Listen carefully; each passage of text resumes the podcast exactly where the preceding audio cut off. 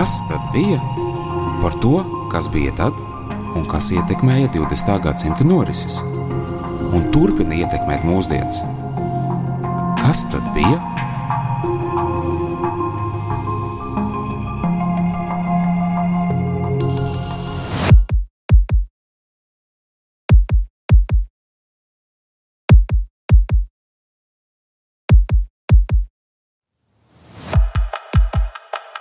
Labdien, mans vārds ir Mārtiņš Kaprāns. Esmu Latvijas Universitātes Filozofijas un Socioloģijas institūta vadošais pētnieks. Šodien šajā radio, radio raidījumā es vēlos eh, runāt par tādu interesantu padomu laiku fenomenu kā literatūra un māksla. Kāpēc eh, savā laikā literatūra un māksla kļuva par eh, latviešu inteliģences diskusiju centru, vietu, kurā tapa sabiedrības kritiskās pārdomas par sava laika nebūšanām un, un, un, un sabiedrības vērtībām. Un eh, vēlos pievērsties arī tam, kādā veidā tas varēja notikt. Eh, laikā, kad mēs esam pieraduši domāt, ka bija vispārēja cenzūra un kad eh, nekas iespējams nebija šādā veidā. Pirms es ieskicēju, vai mēģinām saprast šo literatūras un mākslas fenomenu, manuprāt, ir ļoti svarīgi ņemt vērā vispār tā laika kopējo uh, ideoloģisko kontroli, kas tika īstenota attiecībā uz mēdījiem, attiecībā uz kultūru, kultūras jomas darbiniekiem, attiecībā uz radošo inteligenci kā tādu. Vispirms, eh, runājot par šo sazaroto sistēmu, ir svarīgi saprast, ka eh, to nodrošināja pati Latvijas komunistiskā partija. Un šīs komunistiskās partijas centrālā komitejā bija vairākas nodaļas, kuras eh, visciešākajā veidā bija atbildīgas par šī te, uh, ideoloģiskās kontroles uh, uzraudzību par to, lai radošajā inteligencē nespētu um, veidoties vai nevarētu, ne, ne, nepieļautu kaut kādu brīvdomību un, un, un, un, un uh, patvaļu. Un, uh, ja runā par uh, Latvijas Komunistisko partiju, tad uh, tajā vispirms jāuzsver ir, bija ideoloģiskais sekretārs, ir tā sauktais trešais sekretārs, kurš visciešākajā veidā uzņēmās atbildību par to, lai uh, sabiedrībā, lai inteligencē, lai dažādās kultūras iestādēs nenotiktu novirza no no padomu ideoloģijas. Bet uh, konkrētāk mēs varam runāt par uh, atsevišķām uh, nodaļām centrālajā komitejā, kuras ikdienā nodarbojās ar šo kontroli, īstenoja kontroli. Tā pirmkārt bija aģitācijas un propagandas nodaļa. Un kultūras nodaļa, aģitācijas propagandas nodaļa ilglaicīgi vadīja Leonīds Freibergs, un, un, un savukārt kultūras nodaļu Aivars Goris. Līdzās Latvijas Komunistiskās partijas centrālās komitejas nodaļām, kas nodarbojās ikdienā ar ideoloģisko kontroli, ir vērts pieminēt garām ejot arī glābļitu, jeb tā saukto uh, galveno pārvaldu valsts noslēpuma aizsardzībai presē, kas ikdienā nodarbojās ar preses pamatā mēdīju satura kontroli, lai nodrošinātu, lai tu neprādās um, potenciāli bīstama informācija, kas varētu atklāt kādus eh, padomju valsts noslēpumus. Glavļs ikdienā arī nodarbojās ar eh, šo cenzūru, praktiski ar cenzūru. Viņi pat līdz 60 gadiem darbinieki tā arī saucās cenzori, pēc tam viņus pārkvalificēja par redaktoriem.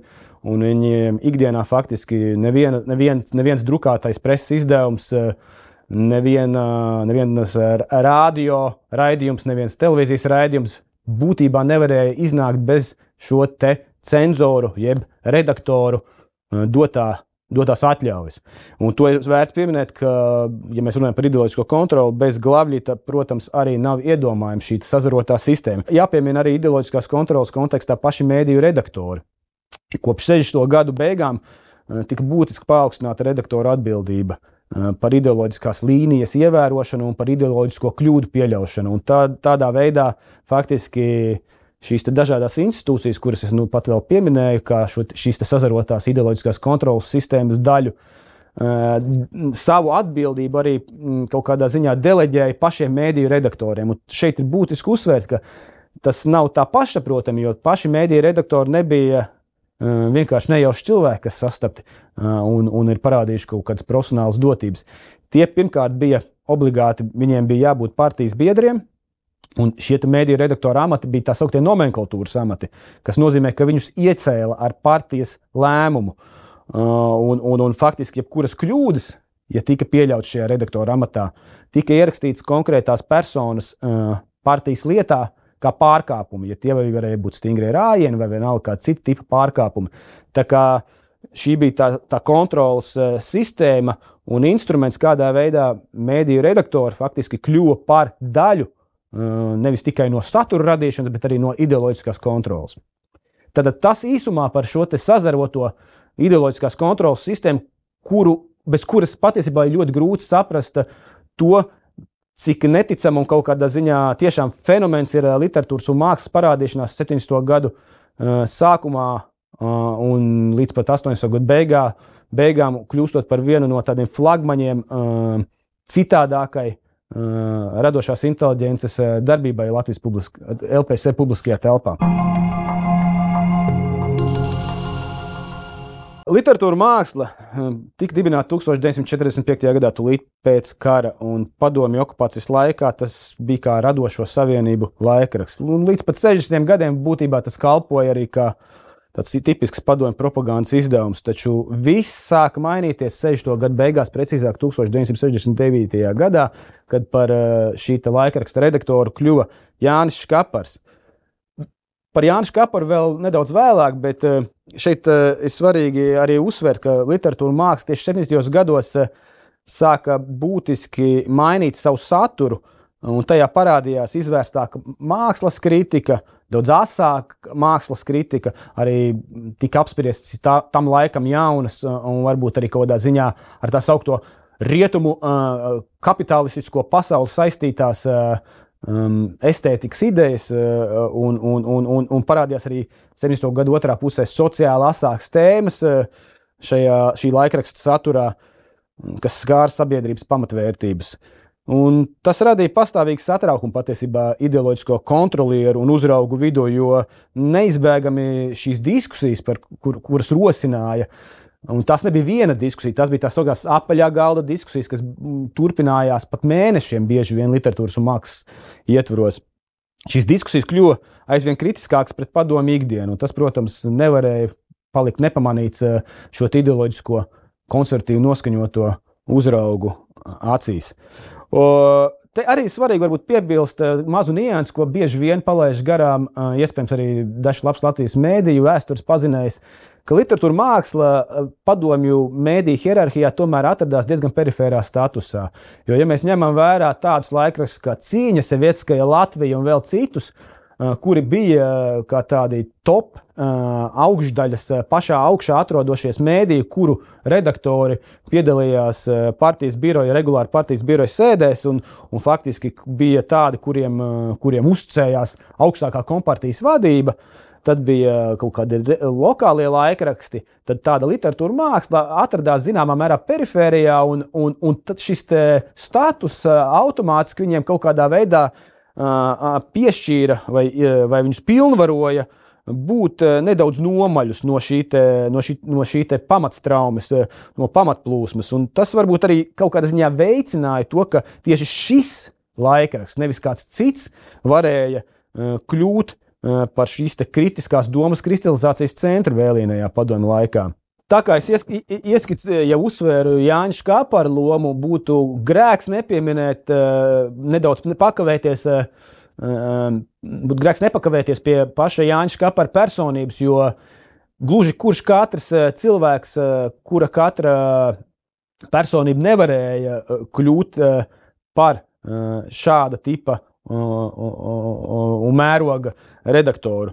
Tādēļ ir svarīgi ieskicēt eh, un mēģināt saprast, kas tad eh, Jānis Škaparam eh, bija tāds īpašs, kas viņam ļāva noturēties tik ilgi un turklāt padarīt literatūru mākslu par šo centrālo spēlētāju ne tikai padomju radošās inteliģences kontekstā, bet vispār arī tā laika sabiedrības kontekstā. Jānis Kapars, mm, ja skatāmies tā biogrāfiski, ir dzimis 1927. gadā. Eh, paudze, tad viņš pārstāv paudzi, kuru varētu savā ziņā nodēvēt par tā saucamo pirmo pēckara paudzi. Dažkārt literatūrā mēs viņus redzam, ka arī viņus sauc par tā sauktiem pirmajiem komunisma cēlājiem. Tad tie, kas bija 20 gadnieki tūlīt pēc kara eh, un, un, un, un, un faktiski piedalījās Latvijas PSR atjaunošanā. Un iesaistījās arī līdz ar to ideoloģiski dažādās, eh, dažādās darbībās, kas bija saistītas ar, ar, ar ideoloģiskās kārtības nostiprināšanu eh, padomju okupētajā uh, realitātē. Škapars 1953. gadā absolvēja Latvijas Valsts Universitātes juridisko fakultāti un pēc augstskolas ieguva visnotaļ lielu pieredzi tā sauktajā ideoloģiskajā darbā. Faktiski viņš strādāja kādus desmit gadus dažādos svarīgos komjaunatnes amatos. Un pēc tam arī, tad, kad viņš bija pamanīts kā, kā perspektīvs kadrs, kā saka, tajā laikā, un kadrs, kurš bija perspektīvs arī tālākajai darbībai jau partijas, ne tikai komjaunatnes ietvaros. Viņš kļuva par, komjauna, tad, par komunistiskās partijas kultūras nodaļas instruktoru 60. gados. Un tas ir būtisks moments. Kultūras nodaļa, kuru, kuru es jau iepriekš pieminēju, runājot par šo ideoloģisko kontroli, sazaroto ideoloģisko kontroli, bija tā nodaļa, uh, centrālās komitejas, parti, kompartijas centrālās komitejas šajā aparātā, kura lielā mērā nodarbojās ar tieši ar radošās inteliģences, ne tik daudz žurnālistu, bet tieši radošās inteliģences uzraudzību, kontroli un arī virzīšanu pareizajās, pareizajās sliedēs.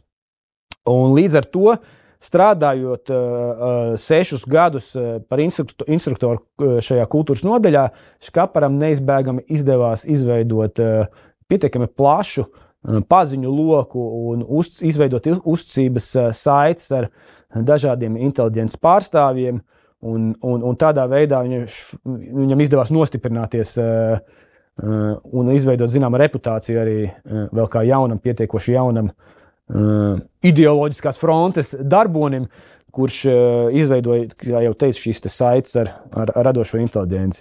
Viņš arī uzkrāja zināšanas par to, kādā veidā, kas ir pieļaujamās robežas, ko var, ko nevar, cik tālu var iet, ja runā par centieniem būt nedaudz citādākam un pārkāpt pāri kaut kādām stingrajām ideoloģiskajām līnijām, kad runā par uh, radošo darbību, par uh, uzskatu un izpausmes brīvību. Un tas nav maz, jo faktiski tā ir tā būtiskā atšķirība, kas viņu varbūt padara unikālu, ka viņš bija tiešām uzkrājis ļoti lielu zināšanu bagāžu un pieredzi.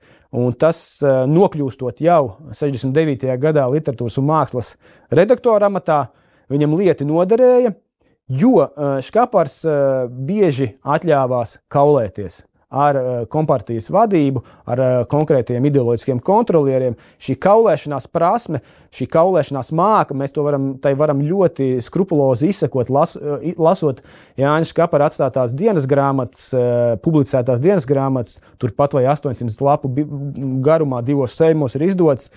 Un, tur tad, tad varam soli pa solim izsekot, kā viņš dažādos veidos ar partijas funkcionāriem uh, diskutē par problemātisko saturu literatūrā un mākslā, kā viņš mēģina pārliecināt šos funkcionārus, ka vajag atļaut tam jaunajam dziniekam vai tam jaunajam autoram publicēt savu viedokļu rakstu, kurš varbūt eh, kaut kādā ziņā nav simpatizējošs padomju sabiedrības uh, kādām vērtībām vai priekšstatiem par to, kas ir uh, pareizi vai nepareizi. Viņš regulāri apmeklēja patiesībā uh, kompartijas, kompartijas centrālo komiteju tikās ar cilvēkiem, jo, kā viņš pats raksta savā, savā dienas grāmatā, tā bija tā, tas bija tas štābs, kur koncentrējās daudz informācijas. Un šī vēlme visu laiku piekļūt informācijai, zināt, kādi noskaņojumi valda centrālajā komitejā, uh, kādi uh, potenciālie zemūdens akmeņi vai klupšanas akmeņi ir iespējami attiecībā uz viena vai otra funkcionāra, kas viņus kontrolēja, um, ieskatiem. Uh, viņam bija to ļoti svarīgi zināt, tāpēc viņš ikdienā faktiski katru nedēļu paviesojās cekas mājā, kā saka, un, un tādā veidā uh, ieguva faktiski arī kaut kādu kontrolas sajūtu pār situāciju, kādā veidā viss attīstās. Uh, un viņam tas arī ļāva kaut kādā ziņā manevrēt. Viņš, viņam tas stiprināja viņa spēju manevrēt starp šīm dažādajiem ideoloģiskās kontrolas līmeņiem. Viņš varēja būt čomiskās attiecībās gan ar, uh, uh, gan ar, teiksim, ar kultūras nodaļas vadītāju Aivaru Gori, vienlaikus viņš varēja arī jau varbūt nedaudz vēlāk arī ar Glavļita vadītāju pārunāt neoficiālākā gaisotnē kaut kādas lietas. Viņš varēja atļauties arī uh, Citreiz pat tad, kad bija pavisam kaut kādi kritiski momenti, pat tiešo atļāvās zvanīt vai, pareizāk, pieteikties vizītē pie tā sauktajiem pirmajiem sekretāriem komunistiskās partijas Augusta Vosa vai Boris Pugo. Tas nenotika bieži, bet tas notika ļoti kritiskos brīžos, kad viņš atļāvās neievērot nekādas partijas hierarhijas un, un pieteikties vizītē pie šiem visaugstākajām tā laika amatpersonām padomju Latvijā. Ir svarīgi ņemt arī neformālās attiecības vērā, kuras varbūt faktiski kaut kādā ziņā es jau esmu ieskicējis, bet kuras es vēlos vēl vairāk izcelt.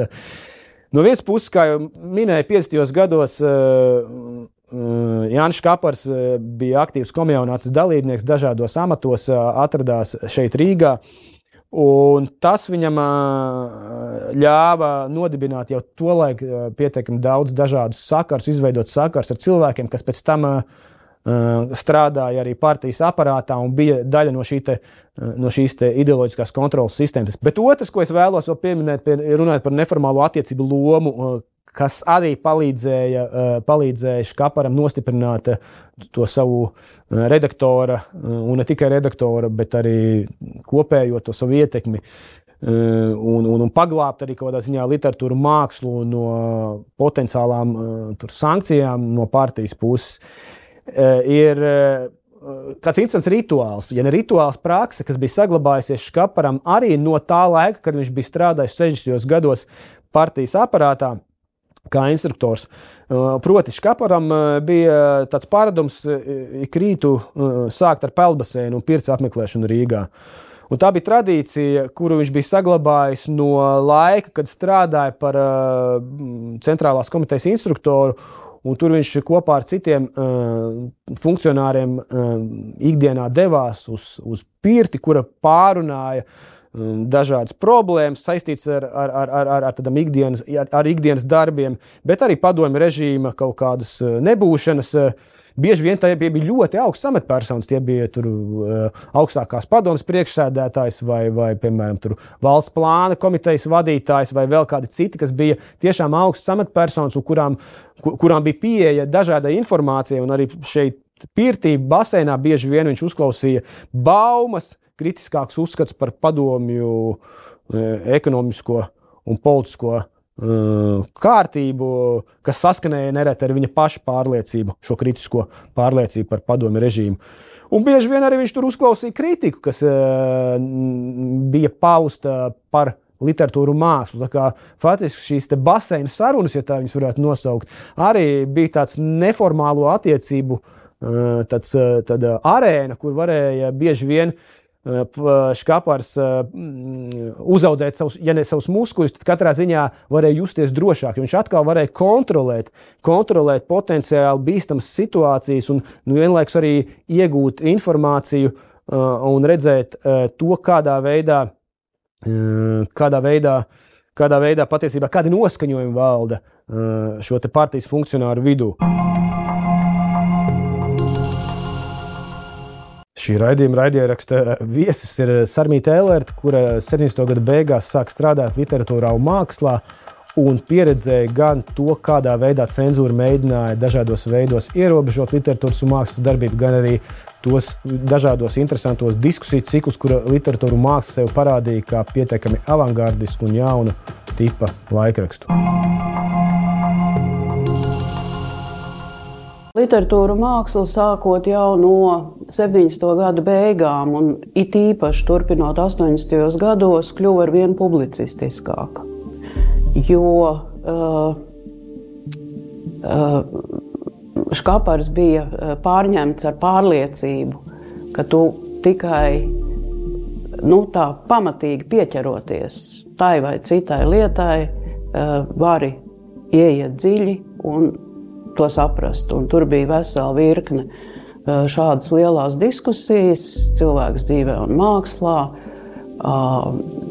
pat dziesmu svētkiem, nu, visdažādākās. Un viena varbūt tāda vis, vistuvākā nu, tai dzīvē bija diskusija par dabu, kas bija 80. gados. Nu, tur jau gāja nu, traki gandrīz katrā numurā, jo, jo tas galvenais mērķis bija parādīt, kādā veidā tā visa saimniekošana, padomju saimniekošana, kā viņi degradē dzīvi, nu, kā viņi degradē dabu un degradē cilvēkus pēc būtības. Literatūrā, mākslā bija uh, vairāk rakstu un diskusiju par dziesmu svētkiem, kuri bija droši vien 83. gads, nu jā, 100 gadi, 73, uh, 83.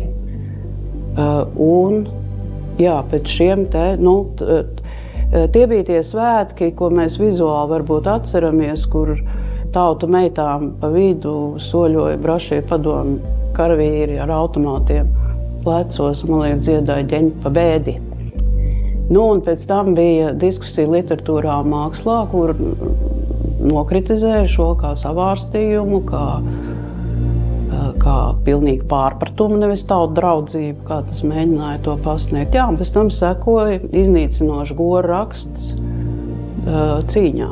Var sakot, nu, cīņa jau nebija, tā nebija avīze, tas bija centrāla komitejas pagarinātā roka. Cīnījās jau viens cilvēks, tas bija galvenais redaktors. Un, tāpēc tas, kāds bija tas vai cits izdevums tajā laikā, bija ārkārtīgi, izšķirīgi atkarīgs no tā, um, kāds bija redaktors, uz ko viņš bija gatavs, kād, nu, kā viņš bija uh, gatavs riskēt.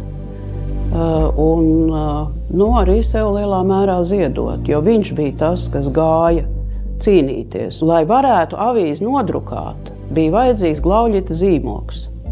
Tas nozīmē ar visu to papīra paku, Es tecēju tip, tip, tip lejā pa trepītēm, jo mēs bijām 19. un 20. stāvā pie Glauļita. Un tur sēdēja inteliģentas dāmas. Es zinu, ka viena es bieži redzēju teātrī, viņa gāja uz teātri, un viņa reizē man kaut ko tur prasīja, kā man patika, kaut kāds teātris. Var sakot, ļoti laipnas, izglītotas kundzes sēdēja.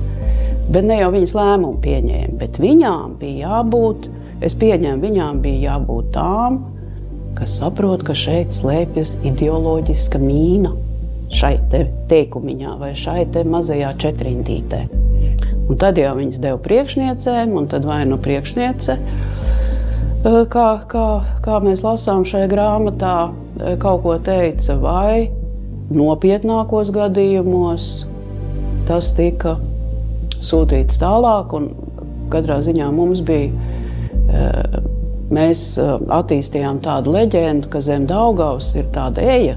Un tur tāds mazs auguma cilvēks, viņš paķer tās lapas un tik, tik, tik uz centrāla komiteja pa Daugaus apakšu. Jo ļoti ātri nonāca, pārsteidzoši ātri nonāca ideoloģiskās kļūdas no viena Daugaus krasta līdz otram. Īsti izdibināt un saprast to, to, to glābļītu, kur tu nekad arī nezini, vai tas ir glābļīts vai tā ir ceka. Ja, tur viņiem tā simbioze bija tā neat, neatšķetināma. Uh, uz ko viņi noreaģēs? Uh, piemēram, es atceros, arī droši vien 80. gada sākumā bija Jāņa numurs, un šī Jāņa numura atvērumā bija Egīls Dzīrņa četrindas, tā tādas tautas dziesmas, kuras bija nu, tas stiliņš bija nu, absurds. Nu, piemēram, tur vienas. Es, kāpēc es viņu vienmēr atceros no galvas, to neizmetu, bet kaut ko ļoti līdzīgu. Uh,